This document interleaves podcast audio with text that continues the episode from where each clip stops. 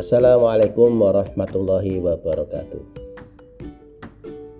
Anak-anakku kelas 4 SD Wonosari Baru Kali ini Pak Guru akan meringkaskan materi-materi yang ada di tema 7 Silahkan nanti anak-anak menyimak dan didengarkan dari awal sampai akhir kemudian dicermati, dipahami, semoga nanti ada penambahan kepahaman pada anak-anakku sekalian. Tapi sebelumnya mari kita mengawali belajar kita hari ini dengan berdoa dulu bersama-sama. Berdoa mulai. Bismillahirrahmanirrahim. Selesai? Nah, sekarang kita mulai dari pelajaran bahasa Indonesia. Dalam pelajaran bahasa Indonesia di tema 7 ini ada satu KD ya KD 37 nah ini intinya adalah menggali pengetahuan baru yang terdapat pada teks non fiksi nah ketika kita akan memahami atau mengetahui pengetahuan baru yang terdapat pada teks non fiksi artinya kita nanti perlu mengerti arti kata-kata. Ya misalnya bendi. Bendi itu apa? Nah, bendi itu adalah kereta beroda dua yang ditarik oleh kuda, misalnya begitu. Nah, kemudian misalnya ada kata pedati sapi. Apa itu pedati sapi? Nah, pedati sapi itu alat transportasi pengangkut barang yang ditarik oleh sapi. Dan beberapa kata lagi nah, perlu kita ketahui.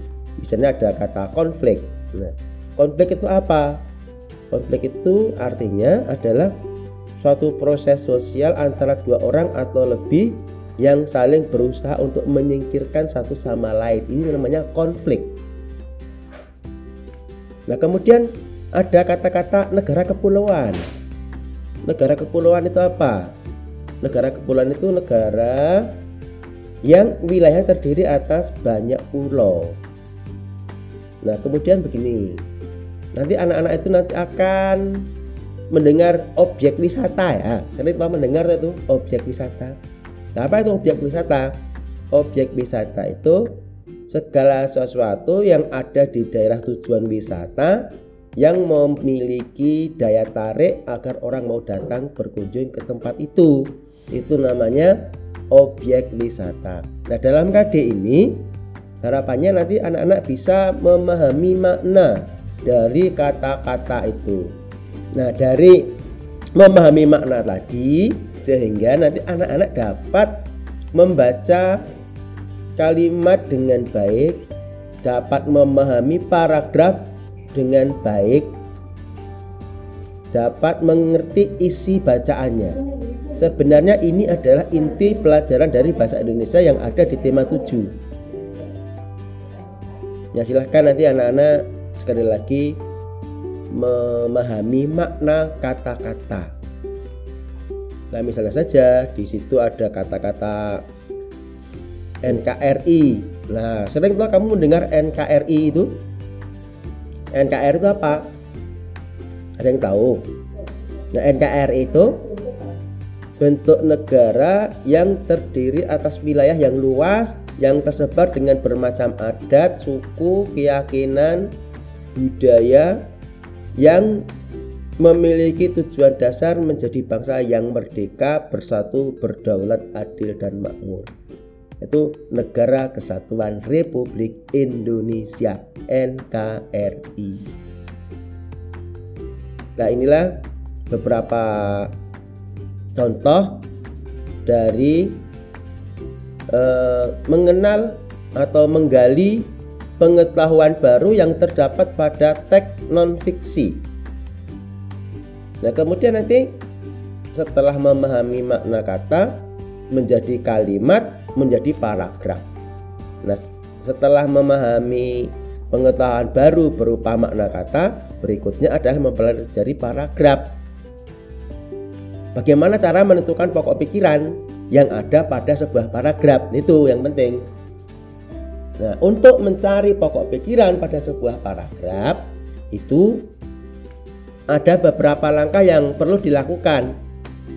Yang pertama, membaca seluruh kalimat dalam paragraf itu.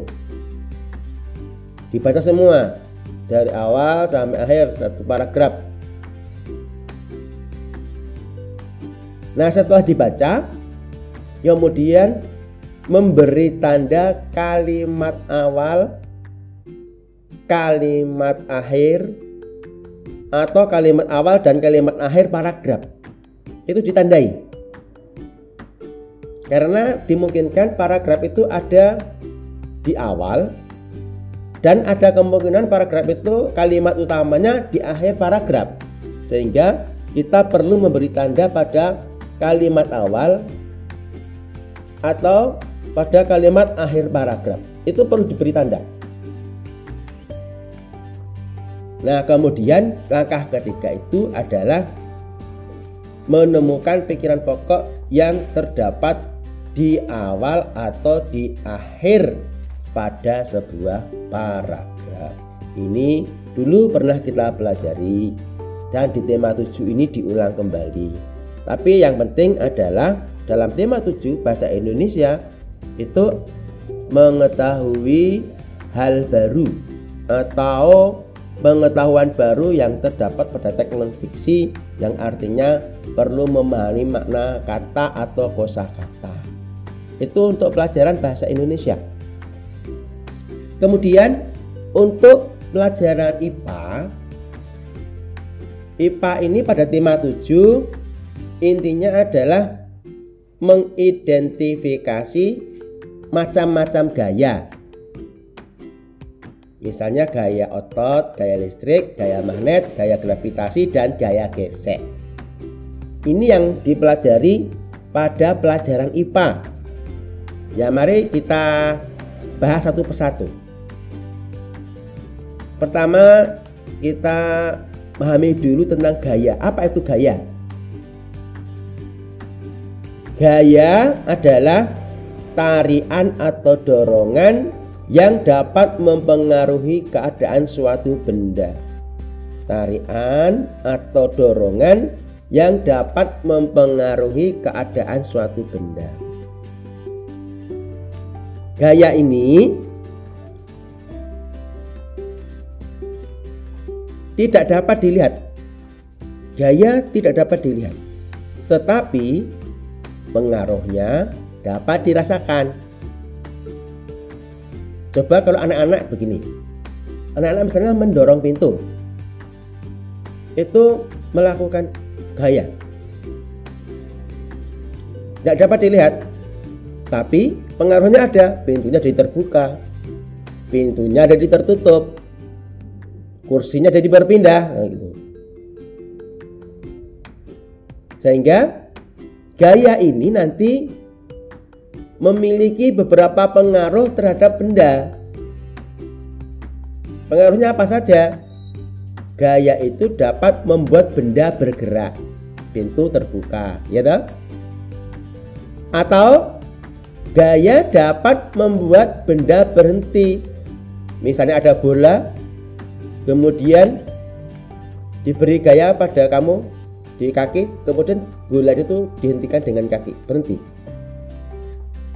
Atau gaya itu juga dapat mengubah arah benda arah gerak benda. Ya seperti tadi main bola kena kakimu langsung dioper ke temennya bolanya dari arah kamu kemudian berbelok arah ke tempat yang lain. Atau gaya itu dapat mengubah bentuk benda. Ada plastik kamu remet gitu ya diremas gitu kerak nah nanti bentuknya plastik akan berubah. Yang semula seperti botol kemudian jadi berantakan. Dan gaya dapat menambah atau mengurangi kecepatan benda seperti naik mobil itu digas sama direm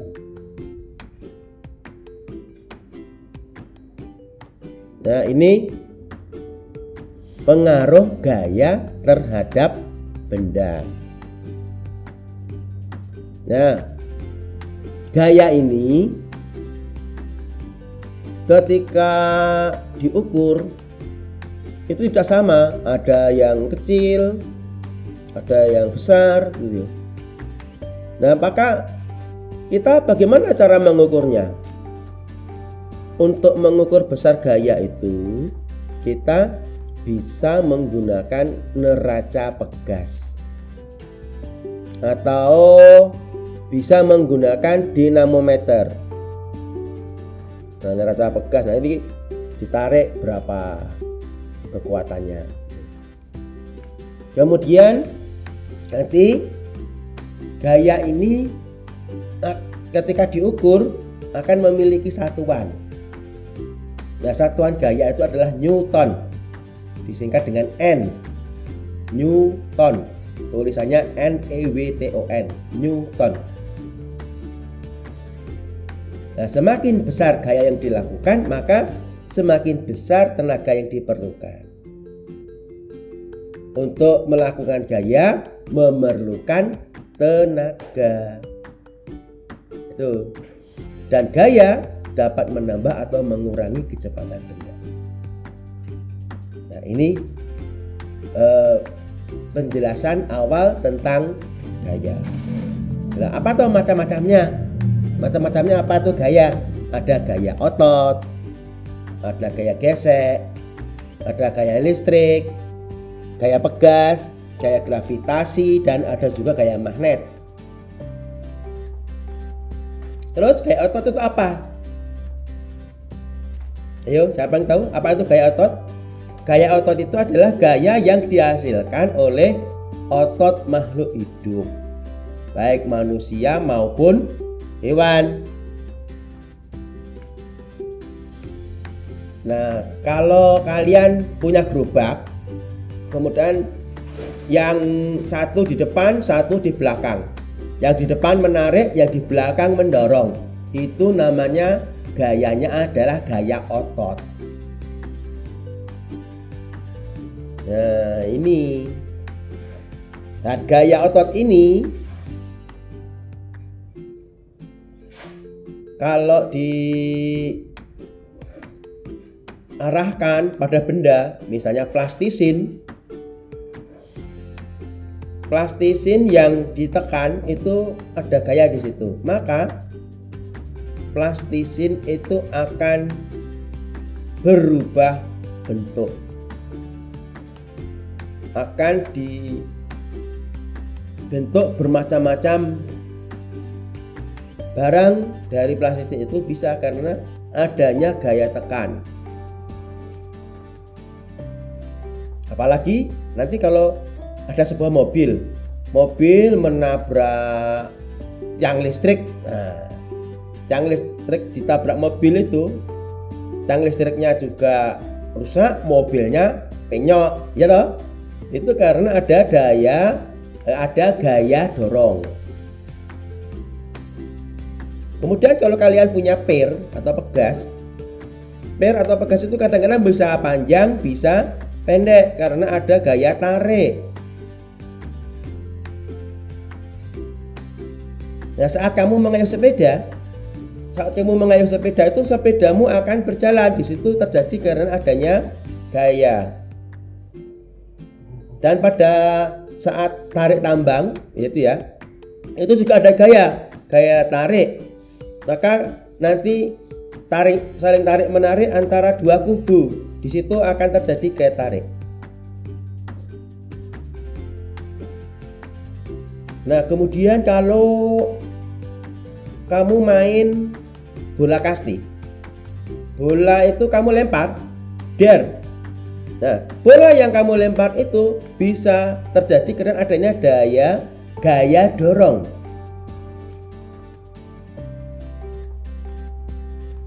Nah, inilah gaya dari gaya otot dapat mempengaruhi bentuk benda maupun gerak benda. Nah, jadi gaya otot ini dalam kehidupan sehari-hari banyak manfaatnya bisa untuk memindahkan benda bisa untuk menggerakkan tubuh melatih dan membentuk tubuh, kemudian melakukan pekerjaan, mempertahankan postur tubuh supaya nanti tetap bisa berdiri, bisa jongkok. Gitu. Itu gaya otot.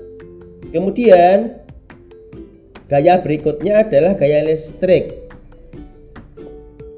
Gaya listrik ini adalah gaya tarik menarik atau tolak menolak yang timbul akibat dua benda yang bermuatan. Muatannya positif maupun negatif.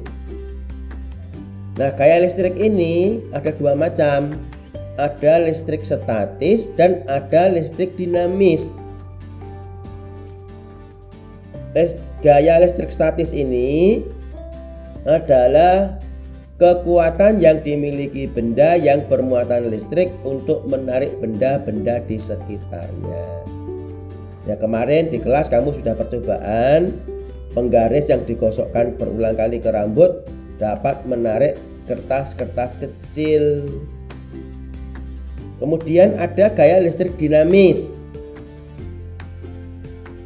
Gaya listrik dinamis itu listrik yang bergerak melalui rangkaian listrik. Nah, misalnya di rumah itu kamu ada saklar, bisa untuk menyalakan lampu, bisa untuk memasak dengan magic comb dan seterusnya. Itu menggunakan list, gaya listrik dinamis. Berikutnya yang nomor tiga gaya magnet. Gaya magnet itu apa? Gaya magnet itu adalah gaya yang dihasilkan oleh magnet.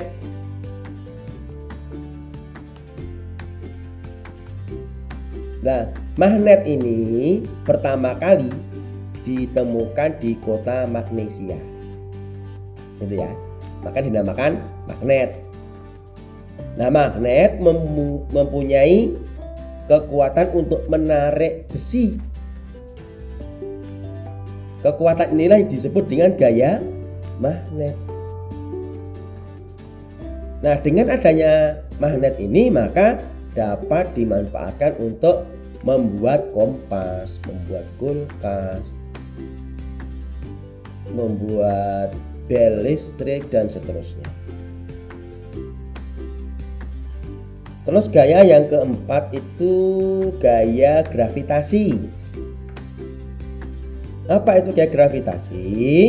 Gaya gravitasi ini adalah gaya yang ditimbulkan oleh tarikan dari pusat bumi. Sehingga apa pun benda yang dilemparkan ke atas akan kembali tertarik ke bawah. ya kalau ada mangga juga tertarik ke bumi jatuh ke bumi. Gitu. sehingga apa? Kita itu tidak melayang-layang dengan adanya gravitasi bumi ini. Dengan adanya gravitasi bumi maka ada kesestabilan hidup di bumi.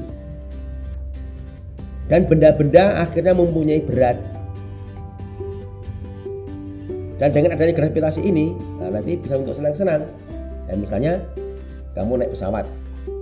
Nah, setelah naik pesawat mau terjun payung. Nah, karena ada gravitasi bumi, tetap turunnya ke bumi, tidak melayang ke angkasa sana.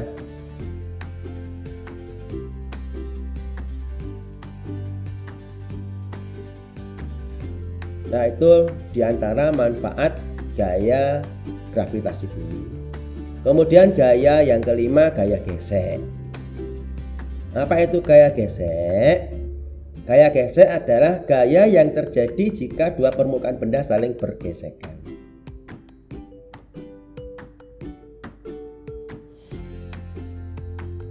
Ya, semakin kasar permukaan benda, maka gaya geseknya semakin besar. Semakin halus permukaan benda, maka gaya geseknya semakin kecil. Ingat-ingat ya, semakin kasar permukaan benda, gaya geseknya semakin besar. Semakin halus permukaan benda, gaya geseknya semakin kecil. Gak apa manfaatnya gaya gesek ini? Gaya gesek ini dapat dimanfaatkan untuk pembuatan api. Itu ya, di korek korek api. Korek api itu kan ada yang diputar.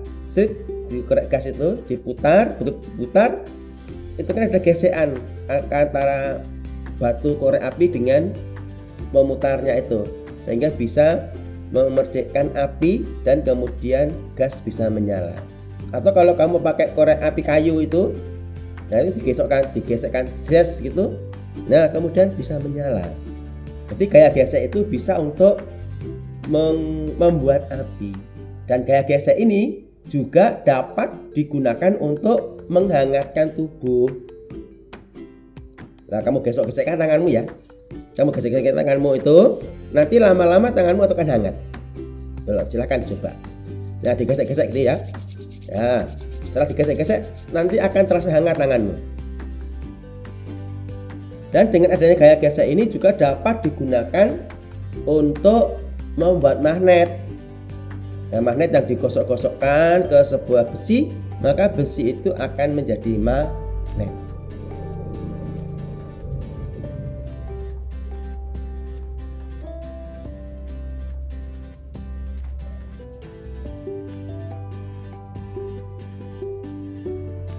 Nah, itu beberapa ringkasan pelajaran yang pada pelajaran bahasa Indonesia dan IPA. Untuk PKN dan IPS kemarin sudah kita pelajari beberapa ya tentang keragaman itu. Keragaman sudah kita pelajari ya keragaman suku, keragaman budaya, keragaman sudah sudah kita pelajari semua di awal sehingga nanti di sini Pak Guru tidak akan perlu mengulang lagi. Ya demikianlah eh, anak-anak eh, beberapa ringkasan materi tema 7 dari bahasa Indonesia dan IPA dan silahkan nanti dibuka-buka lagi bukumu supaya kamu bisa lebih paham lagi mempelajari tentang gaya. Oke, sudah cukup anak-anak pelajaran pada hari ini. Selamat belajar. Jangan lupa tetap menjaga kesehatan, tetap berusaha, semangat untuk belajar, semangat mencapai cita-cita, jangan menyerah. Meskipun saat ini belum bisa, suatu saat kamu pasti bisa. Oke, kita akhiri dulu dengan berdoa bersama-sama berdoa mulai. Alhamdulillahirrahmanirrahim. Terima kasih. Assalamualaikum warahmatullahi wabarakatuh